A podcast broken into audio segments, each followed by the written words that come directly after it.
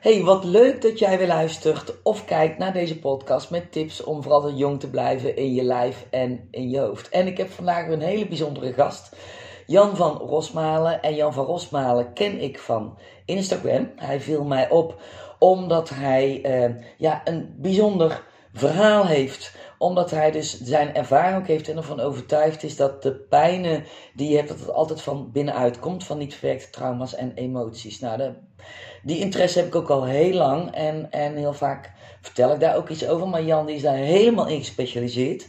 Dus ik ben uh, fan van hem. Welkom uh, Jan. Dankjewel, dankjewel. Um, vertel eens hoe dat je um, hierop komt natuurlijk wie je bent, waar je vandaan komt en vooral ook wat jouw ervaring is. Want ik ken jouw verhaal inmiddels. Ja. Maar vertel me wat jouw verhaal is. Nou, mijn verhaal is in wezen dat ik uh, ook allerlei pijnen had. Um, een van de ergste pijnen was dat ik niet meer kon lopen. Mijn rug stond helemaal scheef. Um, dat duurde een maand of drie. Um, en in die drie maanden kwam ik eigenlijk achter dat er een andere oorzaak was. En die oorzaak lag bij mijn emoties. Ik ben dat gaan onderzoeken. Ik las op een gegeven moment een boek van Dr. Sarno. En ik ging snappen dat emoties de oorzaak waren achter mijn problemen. Ik had rugpijn, maar ik had nog veel meer pijn. Ik had ook migraine, ik had diffuse shoulder, ik had uh, tinnitus. Het zijn allemaal klachten. Ik denk dat ik wel 20 of 30 soorten klachten heb gehad. Um, die iets wilden vertellen tegen mij, maar ik snapte het niet. Nou, door uh, het boek van Dr. John die legde de vinger op de goede plek. En die zei eigenlijk dat emoties, dat je daar iets mee uh, kan doen. Want het zijn emoties die je ooit niet hebt verwerkt die zorgen dat het lichaam signalen geeft van hé, hey, luister nou eens, je moet naar jezelf gaan luisteren. En dat is eigenlijk um, heel beknopt um, ja, de klachten die ik had en het begin van mijn reis en mijn ontdekkingstocht en eigenlijk ook mijn onderzoek van ja, waarom hebben we nu allemaal klachten? Hè? Eén op de drie Nederlanders heeft last van langdurige klachten. Ja, en waarom komen we daar nou niet van af? Hè? We, moeten, we blijven de hele tijd maar naar behandelaars gaan. Nou, uiteindelijk als je gaat snappen waarom je het hebt en wat je er tegen kan doen, dan kun je het helemaal zelf oplossen. En daar ben ik ook achter gekomen. En is het dan zo dat um, vrijwel iedere klacht die, um, die uh, doktoren niet thuis kunnen brengen, dat dat emotionele uh, lading heeft? Of niet verwerkte trauma's, dat het dus dieper liggend zit, ligt? Ja, het ligt altijd dieper liggend. Kijk, er zijn, ik zeg al, twee soorten trauma's. Je hebt acute trauma's en, en, en langdurige trauma's. Acute trauma is eigenlijk als je valt op straat. Ja. Dan, dan, heb je, dan gaat je knie open, dan moet je een pleister erop. En dan heel het lichaam het zelf. Maar eigenlijk alles wat langer duurt dan drie maanden, dat wordt chronisch. En dat wordt langdurig. En dan heeft het lichaam het zelfhelend vermogen van het lichaam heeft het al kunnen helen. En als het dan niet is, dan heeft het een andere oorzaak. En belangrijk om te zeggen is, het zijn emoties, maar ook de mind. Dus je denken uh, en je overtuigingen, alles wat ermee samenhangt. Dat zorgt ook dat je bepaalde emoties creëert. Dus het zijn twee velden waar ik me in begeef. Die zorgen uiteindelijk dat, je, dat langdurige klachten uh, er zijn, maar ook opgelost kunnen worden. En langdurige klachten, dan heb je het over bijvoorbeeld rugklachten, schouderklachten, knieklachten. Ja, eigenlijk allerlei lichamelijke klachten. Ja, ja dat zeg je goed. Hè. Dat, kunnen, dat kan heel variabel zijn. Heel variabel en elk mens is uniek, dus elke klacht is ook uniek. Maar er zijn wel grote uh, vormen van klachten die een beetje mainstream zijn, inderdaad, zoals rugklachten, migraineklachten, uh, tinnitus. Um, dat zijn wel echt, en fibrologie, dat zijn een beetje de, de moderne klachten, zal ik maar zeggen. Ja. Um, en dat heeft ook een beetje te maken met de mind, omdat het in ons collectieve veld hangt. Dus dat betekent dus dat we. Uh, we, worden, er zijn overtuigingen uh, gaande uh, dat uh, als je het om je heen heel vaak ziet, dan, dan ga je het ook op jezelf betrekken. Net zoals je bijvoorbeeld denkt: ik heb een nieuwe auto en ik ga een nieuwe rode Fiat kopen. Dan zie je in één keer om je heen hoeveel rode Fiat'en er zijn. Terwijl voorheen zag je dat niet. Nou, eigenlijk werkt het met klachten een beetje net zo. En als je dus bepaalde klachten krijgt, dan, uh, dan, word, jij, dus, dan word je daar vatbaar voor, zeg maar. En is het zo dat je de klachten erg kunt maken door dat je daar op een bepaalde manier over denkt, dat het daardoor langer blijft hangen? Ja, de, um, tuurlijk, iedereen weet als je uh, stress hebt op je werk, bijvoorbeeld of voor school, dan weet je diep van binnen, als je dan die hoofdpijn hebt of die, die, die maagpijn, Dat het komt door de stress die je, die hebt. Nou, wat is stress? Stress komt voort uit het denken. En het denken creëert weer een emotie. En die emotie wil je vaak niet voelen. Of we weten niet hoe we daarmee om moeten gaan. Dus eh, dat denken, inderdaad, je kunt het dus erger maken. Ehm, en je komt dan vaak ook in een soort visuele cirkel. Omdat je dus ehm, angstig denkt, creëer je angstige emoties. Maar omdat je angstige emoties, dat je daar geen raad mee weet of dat je die niet wilt voelen, druk je die weg. Maar uiteindelijk creëren die angstige emoties ook weer een angstige gedachte. En zo zit je eigenlijk in een cyclus en die kan helemaal naar beneden gaan. En dan word je bijvoorbeeld depressief of burn-out of dat soort dingen. Of je klachten worden gewoon erger. Ja. En uh, dan is het dus zo, als jij met, met je eigen gedachten en je eigen angst en je eigen emoties jouw klachten erger kunt maken, dat betekent dus ook dat jij jouw eigen klachten kunt verminderen. Ja, nou, Marion, dat zeg je prima. Dus uh, de kracht zit in je. Dus um, het denken kun je veranderen. En uh, je kunt jezelf trainen en leren om die emoties weer te voelen. Dus als je die twee gebieden aan gaat pakken, uh, dan ga je de regie weer nemen over je eigen lichaam. En, maar wij, de meesten zijn daar niet mee opgegroeid, hè? met het um, omgaan met emoties of verwerken van trauma's. En als het bijvoorbeeld, um, dan haak ik heel even terug naar het trauma. Want trauma klinkt best wel heftig. Hè? Voor veel mensen denken van nou trauma, dan, dat klinkt als iets heel zwaars.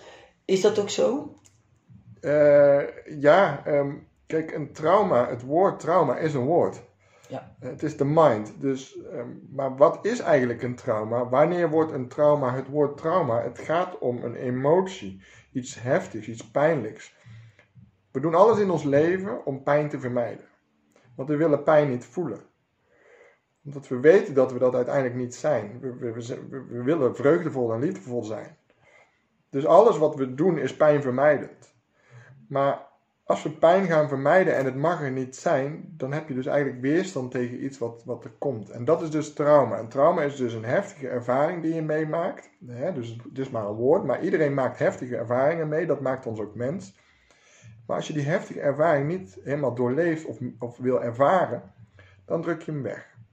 Nou, een emotie, wat trauma, of dat dus is een emotie, als je die niet ervaart, een emotie is uiteindelijk energie. Wij zijn energie. Als je onze handen onder een microscoop legt, dan zie je allemaal moleculen en elektronen. Een emotie is ook energie. We kunnen het niet zien. Net zoals een gedachte is ook energie. Een soort wifi-signaal kunnen we ook niet zien. Maar we kunnen wifi kunnen we ook niet zien. Maar het is er wel. Nou, en als je die emotie dus niet verwerkt, die blijft dus achter in je lichaam op celniveau. Net zolang totdat je hem wel verwerkt.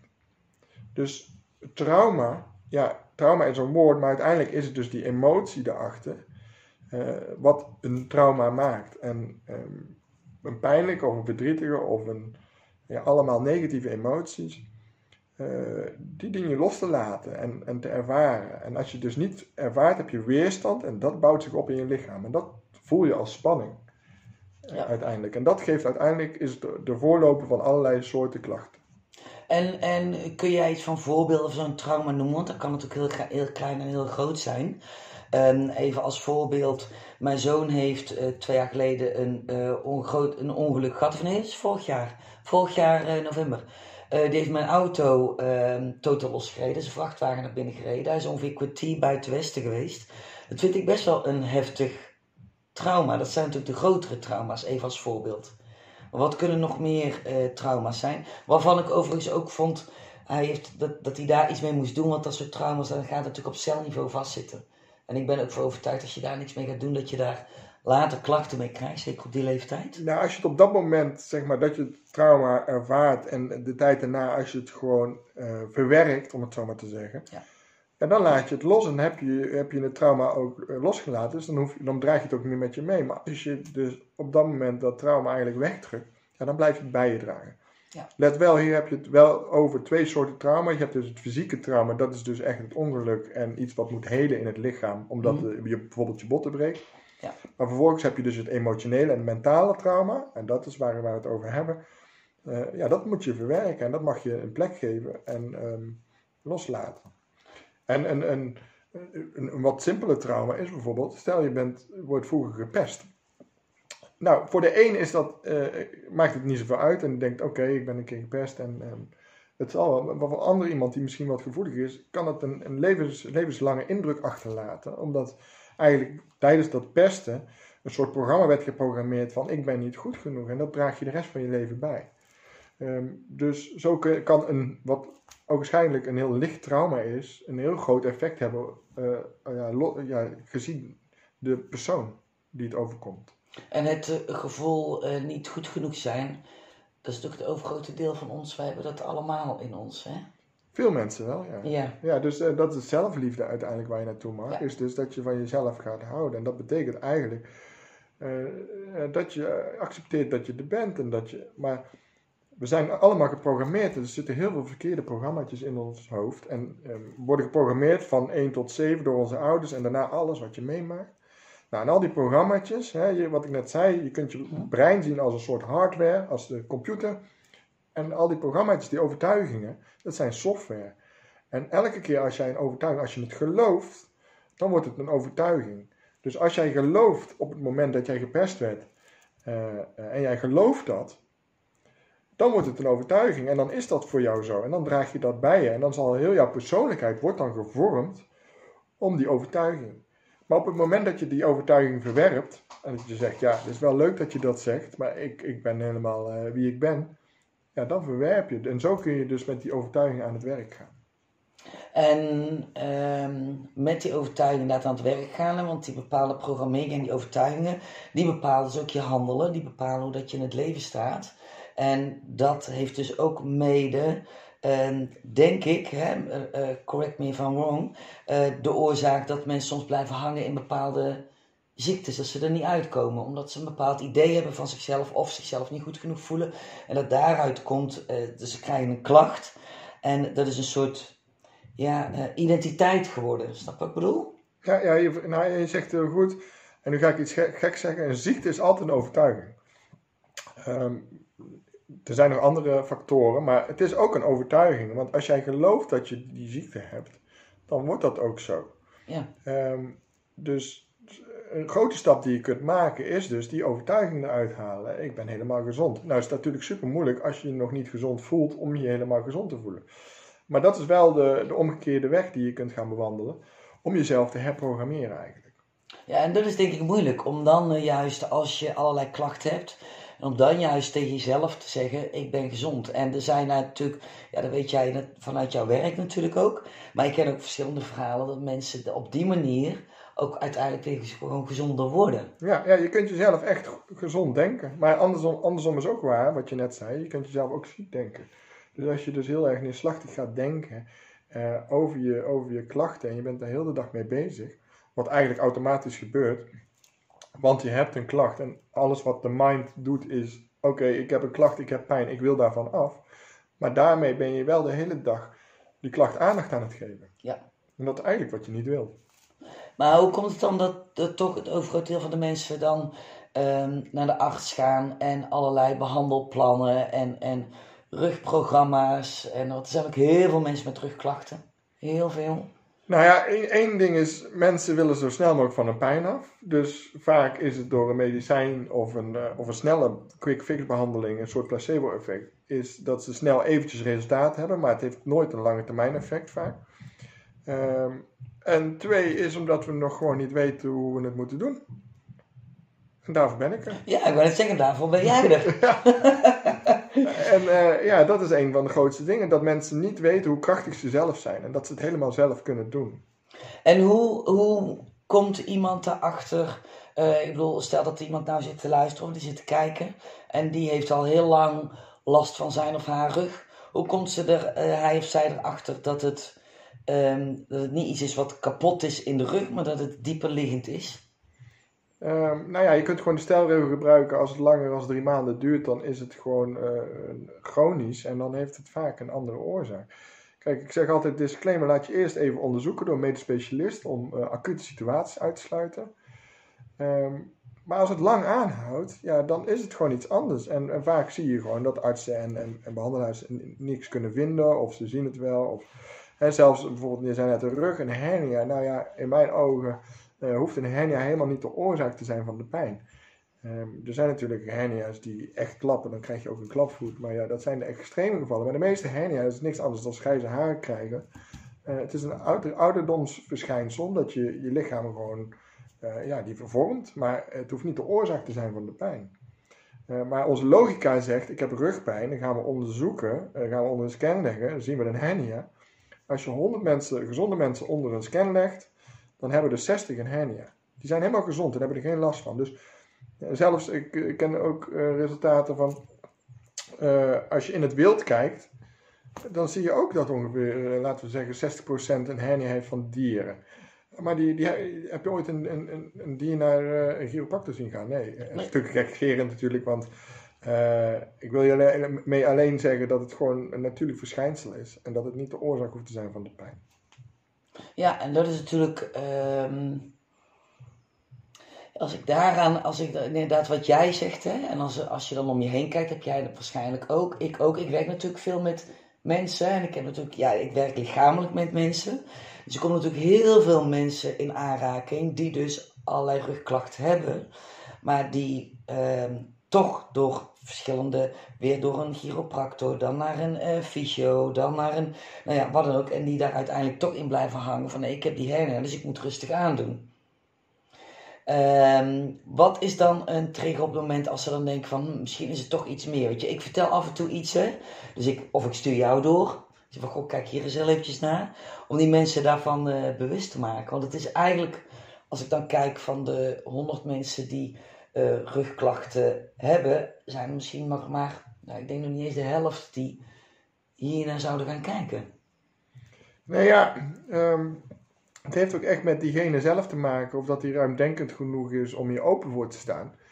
Uh, maar wat ik net zeg, er is meer dan dat we met onze ogen kunnen zien. En um, net zoals dat we dus um, het wifi-signaal niet kunnen zien, kunnen we wel zien dat alle apps werken op onze telefoon. Um, nou, zo werkt het ook met je lichaam. Je kunt niet misschien alle signalen zien en snappen die, die er eigenlijk wel zijn. maar als je dat gaat begrijpen, dan kun je ook begrijpen hoe je jouw eigen wifi-signaal eigenlijk kunt gaan veranderen zodat de, de uitkomst van dat wifi-signaal, jouw app, dat is eigenlijk jouw lichaam, helemaal synchroon en goed gaat lopen. Ja. En als je nooit hebt geleerd om echt met emoties om te gaan, of je, ja, je denkt bij jezelf van ja, jouw emoties, um, het zal wel. Hoe um, laat jij dan um, mensen daar we wel contact mee maken, is dat überhaupt wel te doen als ze ervoor openstaan? Ja, het is altijd te doen. Ja, het is, het is onbewust, hè? dat moet ik even zeggen. Je hebt bewustzijn en je onderbewustzijn. En je onderbewustzijn is een soort automatisch programma. Dus jouw bloed stroomt door jouw lichaam. Daar hoef jij niet over na te denken. Jouw haren groeien, daar hoef je niks aan voor te doen. Je nagels groeien. Uh, even maar wat voorbeelden, dus dat jouw onderbewuste allerlei dingen regelt. En die regelt 95% van jouw dag. En we doen maar 5% met ons bewustzijn. Um, dus het is nogal een verschil. Dus um, ja, jouw onderbewuste is je automatische piloot. En wat was je vraag nou? Wat, dus... Nou, hoe dat mensen um, weer bij de emoties kunnen komen. Of dat, dat ze dat leren snappen. Oh ja, omdat wij dat wilde ik zeggen. Uh, nee, om, om te gaan. Nee, omdat dus die emoties onderdrukken of daar niet mee leren omgaan, is een onbewust programma geworden. Maar je kunt jezelf weer trainen om daar bewust van te worden, zodat het weer in jouw bewuste programma komt. Nou, dat is dus eh, de hele, hele truc om, om dus met je bewustzijn die te trainen, dat je bewust wordt van die weggedrukte programma's, en emoties en programma's ook. Uh, en dat kun je gewoon leren. En, uh, want jij bent, neem ik aan, ook niet opgegroeid met het goed omgaan met emoties, of misschien juist wel? Dat is misschien een aanname. Nee, nee, zeker niet. Want anders dan, dan had ik niet heel deze weg bewandeld natuurlijk. Nee, precies. Um, en hoe ga jij nu dan met jouw emoties om? Nou, jij ze uh, laat je dat gewoon komen? Hoe um, doe je dat bewust? Of zie jij gewoon jouw emoties, kijk je ernaar, doorleef je ze, voel je ze? Want jij maakt ook doorlopende door de dag heen, maak je verschillende emoties allemaal mee. Ja, ik ben eh, de observator geworden van mijn emoties. Dus eh, okay. ik, ik merk ze op, maar ik doe er verder niks meer mee. Um, en dat is de kunst en dat kun je trainen. Uh, en dan wordt het mooi, want dan mogen ze er wel gewoon zijn. En wat er eh, voorheen gebeurde, is dat je dus die emoties niet wilde voelen. En dat je er weerstand tegen hebt. En dat zorgt voor heel veel druk en spanning. Je kunt je voorstellen, het is als een ballon die je onder water probeert te duwen. Die emoties zijn die ballon. En um, de kunst is dat je dus die emoties weer toelaat. Want dan kan die, die, die ballon, dat is eigenlijk jouw lichaam. Dus jouw lichaam staat op spanning. En die spanning die geeft allerlei klachten. Dus als je die ballon los kan laten en gewoon kan laten, laten waaien, om het zo maar te zeggen, ja, dan is er niks aan de hand en dan ontspant jouw lichaam, want je bent niks tegen aan het houden. Mooi hè? Ja, maar dat is inderdaad. Uh, maar ik kan, ik kan me voorstellen, weet je, ik, um, ik ben natuurlijk ook al zo ver dat ik dat. Ik heb dat nog niet helemaal onder controle, maar ik ben ook lerende, zeg maar. Maar dat zijn we denk ik allemaal, we zijn allemaal een leerling. Ik blijf ook altijd nog lerende hoor, dus uh, ja. blijf altijd een leerling hoor. Blijft altijd, er zijn al bepaalde stappen die je dan weer doen, bepaalde fases die dan weer opkomen, dat je dan weer denkt, oké, okay, weet je, nou gaat het weer even wat minder goed. Um, maar ik kan me ook voorstellen dat mensen die hier nu naar luisteren en naar kijken, die denken van ja, uh, emoties naar kijken, die hebben werkelijk gewoon geen idee wat ze ermee aan moeten, zeg maar. En er afstand van nemen en ervan naar kijken. Um, hoe kun je dan, heb jij dan een tip voor ze om al kleine stappen te maken om daar misschien al wel iets mee te doen? Um, ja, op het moment dat je dus eigenlijk, uh, iedereen wordt wel eens een keer boos of gefrustreerd op een dag misschien wel verdrietig. Nou, wat, wat, ga eens na wat je dan eigenlijk doet op zo'n moment.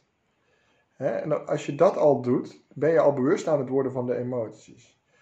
Stel je wordt boos. Er komt iemand uh, en die zegt iets en je wordt boos. Die aan de telefoon, een, een operator of uh, iemand doet iets, uh, staat in, in de rij voor je bij de, bij de kassa. Je wordt boos. Maar wat is nou boosheid? Als je dat als eerste begint te onderzoeken. Wat is nou boosheid? Je, je, voelt wel iets, maar wat is boosheid? Nou, dat is wat het is. Je voelt iets. Nou, dus boosheid, of welke andere emotie dan, is een sensatie. Nou, en als je dus gaat kijken naar die sensatie van, oké, wat, wat ervaar ik nu eigenlijk in mijn lichaam? Dan ben je eigenlijk al bezig met bewust te worden van die emotie. Wat er voorheen gebeurde, is dat je misschien reactief reageerde in de rij. Je werd boos meteen, je, gooit het eruit. Dus die boosheid krijgt ook meteen een stem. Je krijgt, het werkt trouwens nooit, want je krijgt boosheid terug. Die cashier gaat niet denken, oh ik zal eens even heel lief doen, want deze meneer het doet heel stom tegen mij. Dus uh, de kunst is dus om die boosheid uh, te, te gaan leren voelen. Dus dat is dus bewust worden van emoties. dat is stap 1. Dus dat is eigenlijk al een hele grote stap die je kunt zetten van oké, maar ik ben nu bewust van het feit dat ik boos aan het worden ben. En je, laat je gewoon boos worden. Hè. Ga er verder niks aan doen. Dus als je op dat moment uh, de, de, um, normaal altijd uit je slof schiet, nou blijf gewoon lekker uit je slof schieten. Maar word je er wel bewust van dat je uit je slof aan het schieten bent. Dus dat is eigenlijk de eerste stap die je kan zetten, zetten om bewust te worden van emoties. Van oké, wat ervaar ik nu? Ja, wat er in je lijf gebeurt. Ja. Van, wat, wat voel ik nou eigenlijk in mijn lijf? Want meestal, Heel vaak begint dat hier al te knijpen. Of soms eh, is het dat je wat lager in je buik iets voelt. Dat is altijd dat, hoe dat ik dan altijd probeer. Um, als er bij mij iets gebeurt, dat ik dan ga voelen van, hé, wat, wat gebeurt er eigenlijk? Oh, wacht het gaat hier nou knijpen. Hé, oké, het knijpt hier. Hm. Maar even geen label aanhangen, wat gebeurt er allemaal nog meer? Ja, heel mooi, ja, zeg je ook geen label. En gewoon observeren, wat gebeurt er? En dan ben je al, eh, heb je al, ben je al één stap verder dan de weerstand tegen te bieden en eigenlijk meteen door te gaan of eigenlijk het niet willen dat het er is. Want als je er dus naar gaat kijken of eigenlijk gaat onderzoeken, dan zeg je eigenlijk van, hé, hey, het mag er zijn. Dus dat, is dat is al een grote stap die je kan zetten om, om hiermee te gaan beginnen met het proces. Nou, dat zijn allemaal mooie stappen, denk ik. Tenminste, dat zijn, ik denk dat dat al heel wat is voor veel mensen. Ja, en dan gebeurt er al best wel veel. Want dan, ja. Uh, ja, het is natuurlijk geen prettig gevoel, maar weet dat je dat gevoel gewoon aan kan. Alleen, jouw brein en jouw systeem denkt, ik kan dat niet aan en daarom drukt hij dat weg. En daarom heb je ooit zo'n soort verdedigingsmechanisme opgebouwd. En als je, wat je nu aan het doen bent, is eigenlijk dat de verdedigingsmechanisme aan het uh, dismantelen, dus eigenlijk aan het ontmantelen. Mhm. Omdat je dus zegt van oké, het mag zijn, ik ga het gewoon onderzoeken, ik, uh, ik kijk hoe, hoe voelt die woede, waar zit hij, zit hij in mijn buik, zit hij hier. Dus dat is een hele grote eerste stap die je kunt zetten voor jezelf. Hoe doe je dat uh, op het moment als de, bijvoorbeeld uh, in, in, een relatie en, en de boel klapt en je hebt even ruzie en de, ja, de energie loopt natuurlijk echt in één keer hoog op. Dat zijn natuurlijk hele lastige situaties om dan je gevoelens te gaan observeren en om dan te gaan kijken van oké, ik ben boos, wat gebeurt hier nu? Um, hoe ga je dan daarmee om en dat soort dingen? Want je heel vaak um, ik heb natuurlijk geen relatie, dus ik, eh, maar ik kan wel uit ervaring spreken. Van toen ik nog niet zo bewust was. En nu, ik, als ik nu ruzie maak, dan is het met mijn zoon. maar dan schiet je toch allebei wel even uit je slof, zeg maar. Dan is het best wel lastig om dan in de situatie zelf terug te roepen. Uh, dat vraagt ook oefening. Want je schiet natuurlijk gewoon door, wij als mens. Nou ja, je doorschieten komt omdat je geen controle hebt over die emotie. Die emotie heeft controle over jou. Dus ehm, die emotie, wat uiteindelijk energie is, die voedt jouw boosheid en dat uit je. Want jij vindt dat je iets, iets ja, omdat je boos bent en het is een mening die jij wil uiten. Ehm, om niet te veel stappen eh, in één keer te maken, eh, blijf gewoon doen waar je mee, doen, waar, waar je mee bezig bent. Maar ga daarna zitten met die boosheid. Neem even tijd ermee en doorvoel je boosheid. Ga ermee zitten en vraag jezelf al waarom was ik nou zo boos en waar zit die boosheid? Is er nog meer van die, waar die boosheid vandaan kwam? Want die boosheid, dat is een soort compressievat en er zit nog veel meer in. Uh, dus wat je dan op zo'n moment kan doen, is daarna te gaan zitten. En als je dan een beetje getraind raakt, dan kun je op een gegeven moment kun je het verbaal uiten kun je gaan stoppen. En kun je die boosheid gewoon ervaren. En kun je gewoon rustig blijven ademen. En misschien wel zeggen op zo'n moment van oké, laten we het even hier. Dan voel je wel die boosheid, maar dan zeg je oké, laten we het hier nu even niet over hebben. We doen dit even vanavond. Vervolgens kun je even gaan zitten met die boosheid. Kun je het eruit laten, kun je het laten zakken. En dan kun je op een later moment, uh, als je afgekoeld bent en die boosheid is doorvoeld en er is eruit, kun je normaal weer communiceren. Maar op dat moment lukt dat niet. En ik zei net al van, um, het is niet erg om woede te uiten of om frustratie te uiten. Je bent gewoon mens. Dus je, hoeft jezelf niet kwalijk te nemen. Dus je mag lief zijn tegen jezelf. Van oké, doe maar rustig. Maar uh, wat je wel kan trainen is dus dat te voorkomen. Want woede kan nooit liefde opleveren. Uh, dus uh, het, het, is fijn om het misschien even te uiten. Maar die energie die je uit, die, krijg, die geef je aan de ander en die krijg je ook weer terug. En dat is de wet van aantrekking. Dus als je jezelf kan gaan trainen om dat steeds minder te doen en dus bijvoorbeeld op een later tijdstip te gaan zitten en proberen liefdevol uh, die, die, jullie meningsverschil op te lossen, dan krijg je als het goed is ook weer liefde terug. En dan wordt het leven allemaal een stukje makkelijker. Ja, want die ervaring heb ik inderdaad ook. Dat vind ik wel leuk om mijn, nou, het hierover heb, mijn ervaring te delen. Um, een paar jaar geleden, um, toen werkte ik iedere avond nog tot 9 uur. En mijn jongens waren toen allebei nog thuis, waren een stuk jonger. En altijd als ik thuis kwam, dan was het aardig de puinhoop. Want ik had altijd gezorgd dat er eten, want ik was nooit thuis met eten. Ik was altijd weg, maar ik had wel gezorgd dat er gekookt was. Maar mijn jongens lieten dan altijd echt serieus altijd een puinhoop achter. Of buiten iets of de deuren stonden open. Nou ja, wat dan ook. Dan had ik een hele lange dag gedraaid en dan kwam ik binnen. En dan was ik al geïrriteerd toen ik binnenkwam. Nou, die deur die gaat open en ik begon altijd meteen, ja jongens, gelijk te gillen. En meteen van boven naar beneden, van beneden naar boven roepen. Kom naar beneden, kom die rotzooi opruimen. Nou, gelijk hop, vol erin. Nou, toen ben ik vervolgens mee aan de slag gegaan, hè, waar we het nou over hebben, met meer bewustwording en je mind en wat gebeurt er nou allemaal. En toen ben ik dat dus gewoon langzaamaan, dat ik dat niet meer deed en dat ik gewoon rustig aan binnenkwam en dan zag ik het. En dat ik dan eerst even tot rust kwam en dan liep ik naar boven. Ik zeg, goh jongens, ik wil jullie heel erg iets vragen, kom even naar beneden toe. Nou, en sindsdien langzaamaan, nou, en als ik nou thuis kom, dan is het dus gewoon keurig netjes. En, en een strijd hebben we dus gewoon niet meer. Dat zijn dus inderdaad van die voorbeelden dat je er dan eruit schiet. Of als ik woorden heb met mijn zoon, dat ik er dan uitschiet. En op dat moment denk ik van, wacht even, wat gebeurt hier? Dan weet ik, dan moet ik heel even terug. Dan zeg ik dan ook van, joh, even, we komen er straks op terug. Dat zijn van die voorbeelden, en, hè? En dit is heel mooi wat je zegt. En de stelregel is, als jij zelf verandert, dan verandert de rest om jou heen. Yes. En uh, je kunt anderen niet veranderen. En um, dat, dan moet je vaak even tien keer je neus stoten voordat je dat inziet. En dan begint de weg bij jezelf. En als je zelf jouw kijk erop, jouw perceptie erop verandert, dan verandert de rest met je mee. Dat is een prachtig voorbeeld. Ja.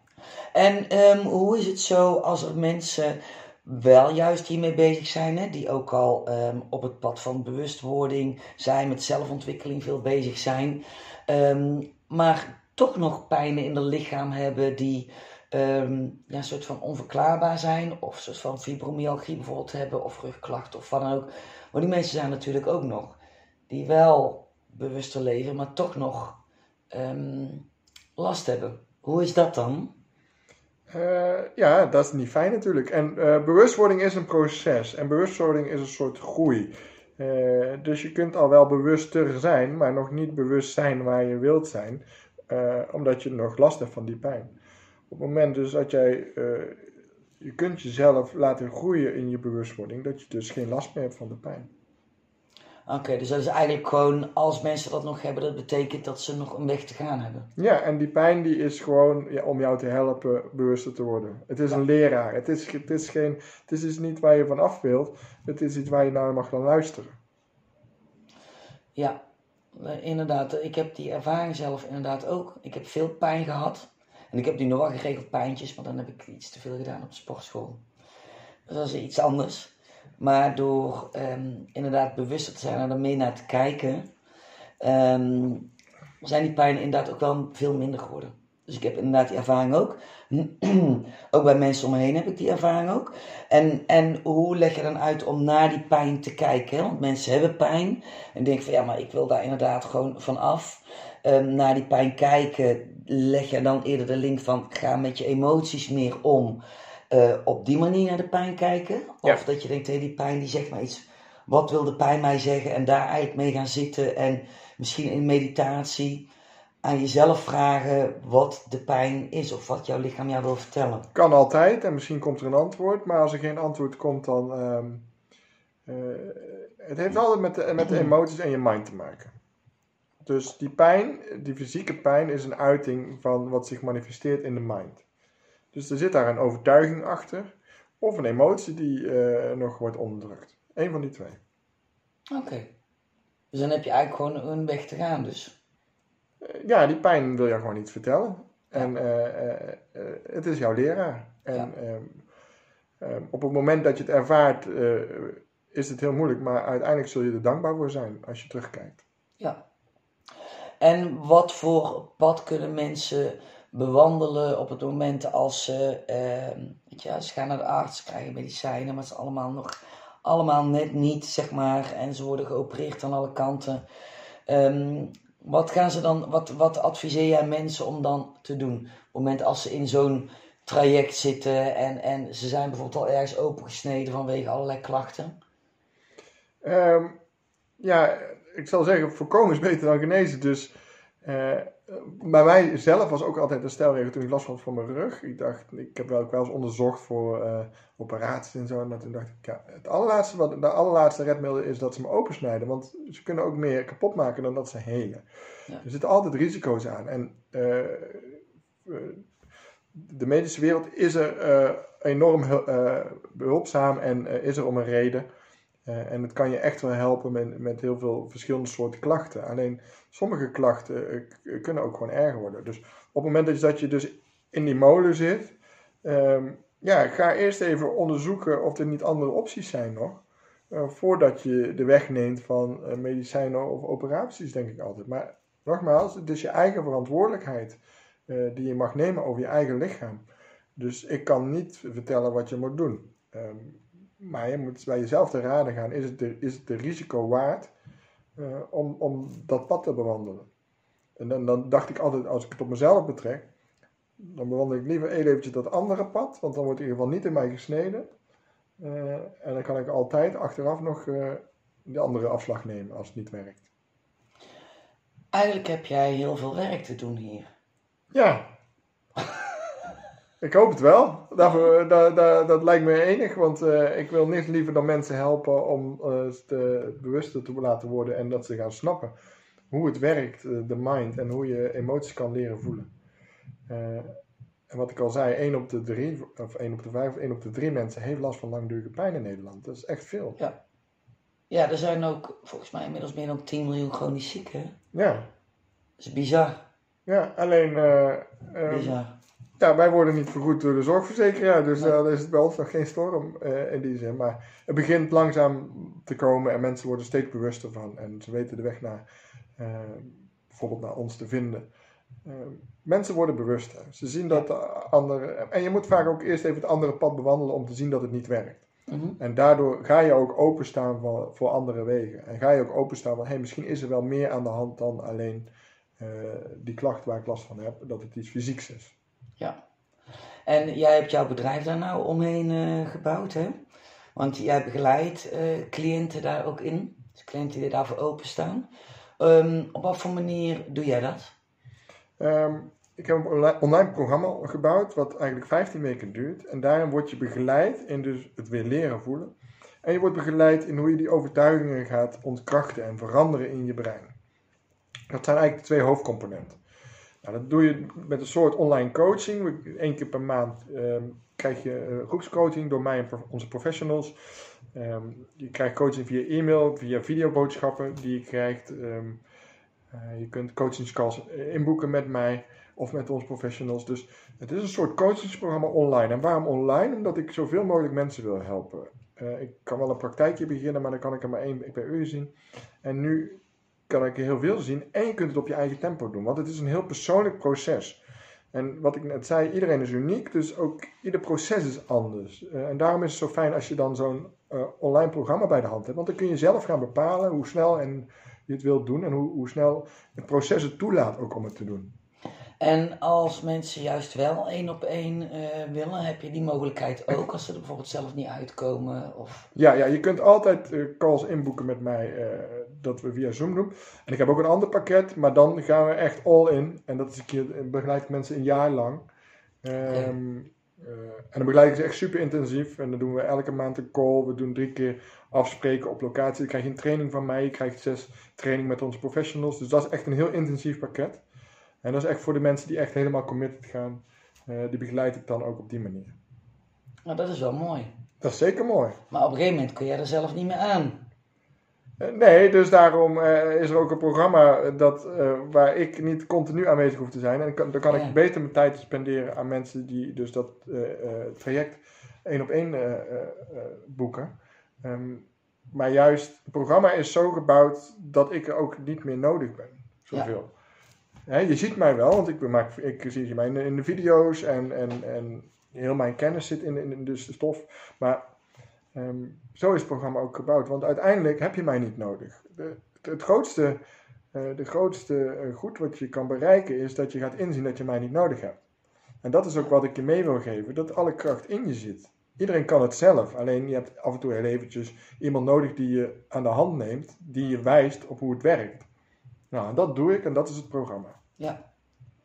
En op wat voor manier krijg je, dat is bijvoorbeeld hoe dat, wat bij mij dan de vraag ook opkomt, hè, wat ik altijd probeer te doen, is hoe krijg je mensen eh, juist wat bewuster dat ze er zelf iets mee kunnen doen.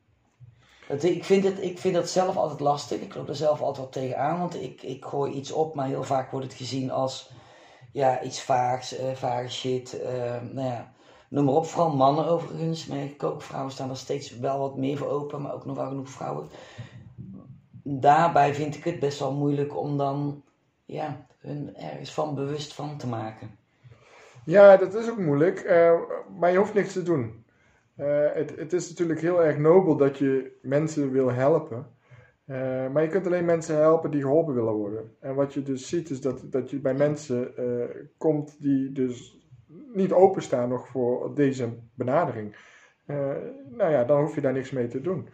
Ehm, we kunnen niet iedereen helpen. En de mensen die geholpen willen worden, daarvoor zijn wij er. En daarvoor kun jij ook dat balletje opgooien. En die zullen ook aangaan. En dan kun jij ook meer vertellen ook over wie jij bent en hoe jij erin staat. En bijvoorbeeld hoe wij dit doen. Ja. Ehm, en daarom hebben wij bijvoorbeeld wel een, een masterclass, een gratis masterclass. Doen wij om de twee weken op onze site. Kan iedereen gratis aanmelden.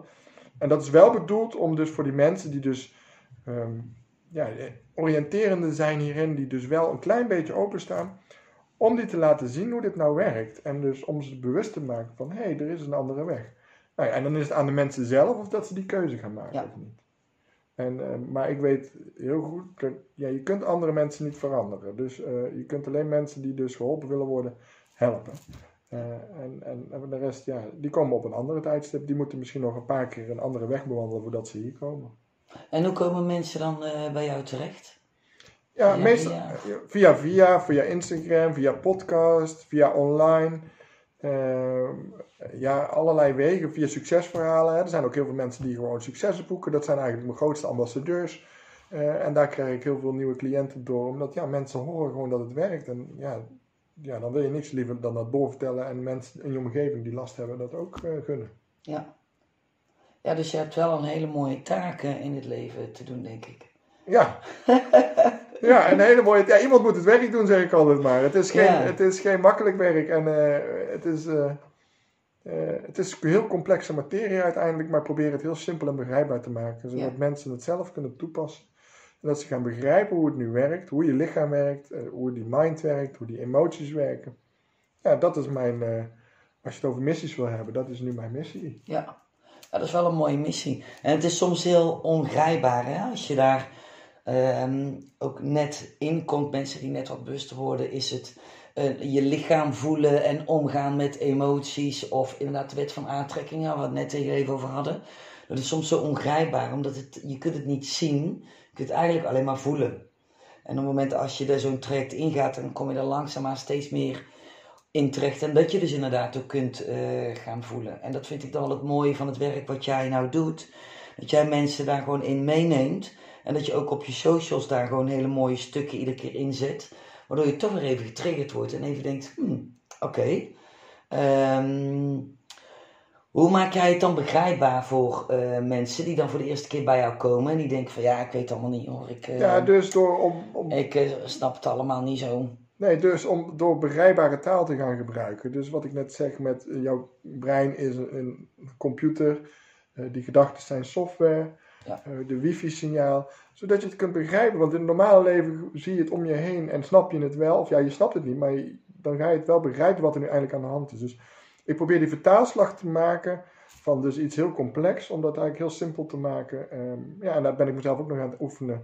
Ehm, maar hoe meer ik dat doe en hoe beter mijn taal wordt daarin, hoe meer ik mensen ik kan bereiken, eh, die ik daar een gelukkiger en eh pijnvrij leven voor, voor kan geven. Dus dat is, eh, dat is de kunst en mijn uitdaging. Ja.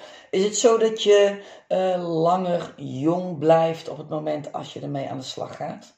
Dat je langer, kunt, langer gezond kunt leven? Ja, dan moet je dus twee dingen definiëren, gezond en jong.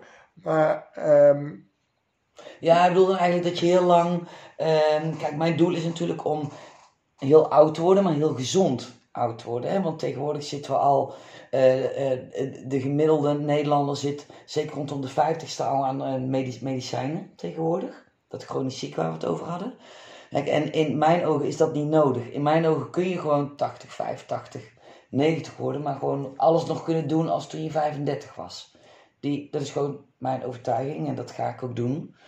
Ehm, maar is het zo dat op het moment als je met dat aan de slag gaat en je hebt pijnen en je gaat zo diep als wat, wat, wat jij eh, doet, dat dat ervoor zorgt dat je ook langer gezond blijft? ja, ik denk waar je op doelt, hè, langer oud worden en langer gezond blijven, is dat we uiteindelijk gelukkig willen zijn. Eh, het maakt Ja. dus niet zoveel uit of dat je nou oudje wordt, de, de, de, de leeftijdsjaren of de, de, de grada- gra- gradatie van gezondheid, want het is voor iedereen anders. Hè? Jij houdt heel erg van sporten, dat, dat staat bij jou synoniem voor gezondheid. Maar misschien is iemand anders, is, we hadden het net eventjes over, is Bourgondisch en dan is een lekker glaasje rode wijn met een stukje kaas, is voor hem gezond zijn. Maar uiteindelijk is dus gelukkig zijn. En eh, gelukkig word je als je oude pijnstructuren oplost. Dus we dragen allemaal oude trauma's, oude emotionele eh, eh, stukjes met ons mee. En je had het net ook heel mooi over de wet van aantrekking. En wat we veel, vaak proberen is denken, nou dan gaan we die gedachten onder controle krijgen, gaan we heel goed nadenken wat we willen en daar gaan we dan op focussen en dan gaan we het aantrekken. Maar zo werkt de wet van aantrekking niet en dat is een misvatting, eh, in mijn optiek, zou ik het zo zeggen. Eh, want de wet van aantrekking werkt zo, op het moment dat jij die oude laagjes gaat afpellen, dus al die oude, oude emotiestukjes ga- gaat helen, dan ga je vanzelf naar geluk toe. Want je bent eigenlijk al gelukkig.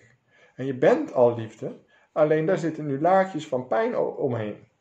En wat we proberen is, we willen de hele tijd naar het geluk toe te springen, met allerlei dingen en ook met genotsmiddelen en wat dan ook. Maar dan verval je altijd weer terug in die pijn, omdat je die niet hebt opgelost. Nou, de enige weg die in mijn optiek er is, is dus als je die oude laagjes oplost, dan groei je vanzelf naar, naar dat geluk toe, daar hoef je verder niks voor te doen. En dan word je gelukkig ouder en gelukkig gezond, want je hebt al die oude pijnlagen niet meer bij je. Ja, maar dat bedoel ik dus Ja, inderdaad. ik weet het. Dus jij legt het heel goed uit. dus dan is het inderdaad wel zo dat je dus langer, eh, dat je dus langer gezond kunt blijven. Ja, gelukkig. Daardoor. Of is het gezond dan, wat voor iedereen Gezond, gelukkig. Maar gezond genieten van het leven. Gezond, En gelukkig en oud. Ja. nou precies, dat inderdaad. Dat ja, kun want- je, dat kun je ja, wel worden, dat. inderdaad. Ja. Want, en, en inderdaad, je kunt hem ook omdraaien. Als je dit werk niet doet en je, je, je, je houdt die emotionele structuren bij je en er komen er eigenlijk nog meer bij. Ja, dan kan je ook zeggen van, nou word je eigenlijk ongezonde. Hè, want voor gezondheid staat Ja. synoniem dus voor eh, dat je je fijn voelt. En, nou ja, en dan voel je je steeds minder fijn. Je wordt depressief, je wordt burn-out, je krijgt nog meer pijn. En uiteindelijk word je dan misschien ook minder oud omdat je zoveel lijdt. Ja. Dus de hele kunst is om het lijden te overstijgen door, door het op te lossen. Maar dan moet je het wel gaan oplossen. Je moet het aankijken. Je, moet het, eh, het, het- je kunt het niet met een pilletje oplossen. En dat is inderdaad best wel een diepe weg en soms ook een zware weg. Ja, maar zie het als een mooie uitdaging. Ja, oh, maar dat is het absoluut. Want het is een, een, een prachtige, ik zou het ook allemaal voor geen goud willen missen. Nee, aan het einde staat wel een pot met goud. Alleen die zien we nu niet. Eh, alleen die is er echt volgens mij. ja, is het inderdaad ook. Maar ja, dit net inderdaad ook weer even, eh, even een zijstapje over de wet van aantrekking. Dat is natuurlijk echt een, soort hype op, eh, op social media nu over de wet van aantrekking. Er komen ze poppen natuurlijk steeds meer specialisten op. Hoe dat je je leven kunt manifesteren. En dan, dat is dus doen. Ja, vision, vision board maken, visualiseren, mediteren, opschrijven. ehm, van alles en nog wat. Ehm, maar we komen dus ook net tot de conclusie dat het doen, dat dat juist niet hetgeen is waarmee iets, heel vaak iets, daar krijg je misschien wel iets mee gedaan, maar niet altijd met succes. Nee, dan moet je weer de definitie van succes eh, uitkleden. En je moet dus Ja. snappen wat het doen uiteindelijk is. Is dat je een bepaalde emotie wil ervaren. En dan komen we weer terug bij geluk. En dan komen we weer terug bij ons vorige verhaaltje. Eh, ja, je kunt dus eh, heel veel gaan doen. Maar er zijn heel veel multimiljonairs die zwaar ongelukkig zijn. En dat komt omdat ze dus die oude laagjes niet hebben opgelost. Dus stop met de wet van aantrekking alsjeblieft. En ga jezelf helen. En dan komt vanzelf alles op je pad wat je wilt. Ja. Daar hoeft, daar hoef je niet zoveel voor te doen. Alleen als we, te, als we te veel in het doen zitten, en dat is het ego, en dat hebben we eigenlijk nog niet besproken, maar dat is ook een, een, een podcast aan zich. Maar dan ga je in je ego zitten en ehm, ja, dan eh, ga je niet eh, worden wie je wilt zijn. En dat is gelukkig. En daarvoor moet je echt die laagjes afpellen. Ja. En dan komen we dus even terug bij de emoties en hoe het hele probleem is ontstaan. Is dat we emoties onderdrukken, die oude pijnstructuren niet willen voelen. Eh, en die eh, fysieke pijn is er alleen maar om te zeggen: hé, hey, luister nou eens, je, hebt, je wil iets niet voelen, daarvoor geef je fysieke pijn. Eh, ga daar nou eens naar luisteren, naar die fysieke pijn. En ga die emoties oplossen. En dan stijg jij vanzelf naar geluk toe. Ja, dat vind ik wel een hele mooie. Dat vind ik denk ik, want we hadden het net inderdaad over ego, dat is inderdaad de podcast op zich. Ik denk dat het een hele mooie is, want we zijn al bijna 50 minuten aan het praten. Dus ik denk dat dit een hele mooie eh, afsluiting is op eh, deze manier. Ik ben er ook wel tevreden over, ja. Dit is, Is er nog iets wat je echt wilt delen, wat je nog kwijt wil, waar we jou kunnen vinden? Ehm, ik zal het in de show notes er sowieso Leuk. erbij zetten. Nou ja, ik, je kunt me vinden op thechronicpaincoach.com. Het is Amerikaans voor de chronische pijncoach. thechronicpaincoach.com. Eh wat ik wil delen is, je kan altijd een masterclass volgen, die is gratis. Als je denkt, ik, eh, ik wil mijn horizon verbreden. Eh, je kunt Marion altijd te raden vragen, want zij heeft ook een prachtig programma. die ook jezelf bewuster maakt. En gezonder. En oud. Gelukkig oud. Eh, maar het belangrijkste wat ik wil delen is dat we allemaal liefde zijn. En eh, dat is uiteindelijk waar we naar op zoek zijn. Dus alles wat we doen in ons leven is omdat we liefde willen ervaren. Eh, wat we eigenlijk al zijn. Maar wat ik al eerder zei, is dat er allemaal laagjes omheen zitten. En dat we dus niet meer herkennen dat we het zijn. De hele weg is voor mij eh, dat je alle dingen die je doet, is dat je daar weer naartoe wilt gaan. Dus ga zorgen dat je dus naar jezelf keert en jezelf, eh, eh, van jezelf gaat houden. En eh, af en toe wat oude pijnstukken op gaat zoeken, om die dan weer los te laten. Om zo steeds dichter bij de liefdevolle mens te komen die eigenlijk iedereen is. En dat is eigenlijk mijn boodschap. Nou, Dat vind ik een hele mooie boodschap. Nou, dankjewel. Dankjewel Jan voor jouw ja, ongelooflijke interessante informatie. En in de show notes onder zal ik de links zetten naar jouw website en naar jouw Instagram. Nou, hartstikke leuk en dankjewel voor de mooie uitnodiging. Ja, dankjewel. Doei. Doei.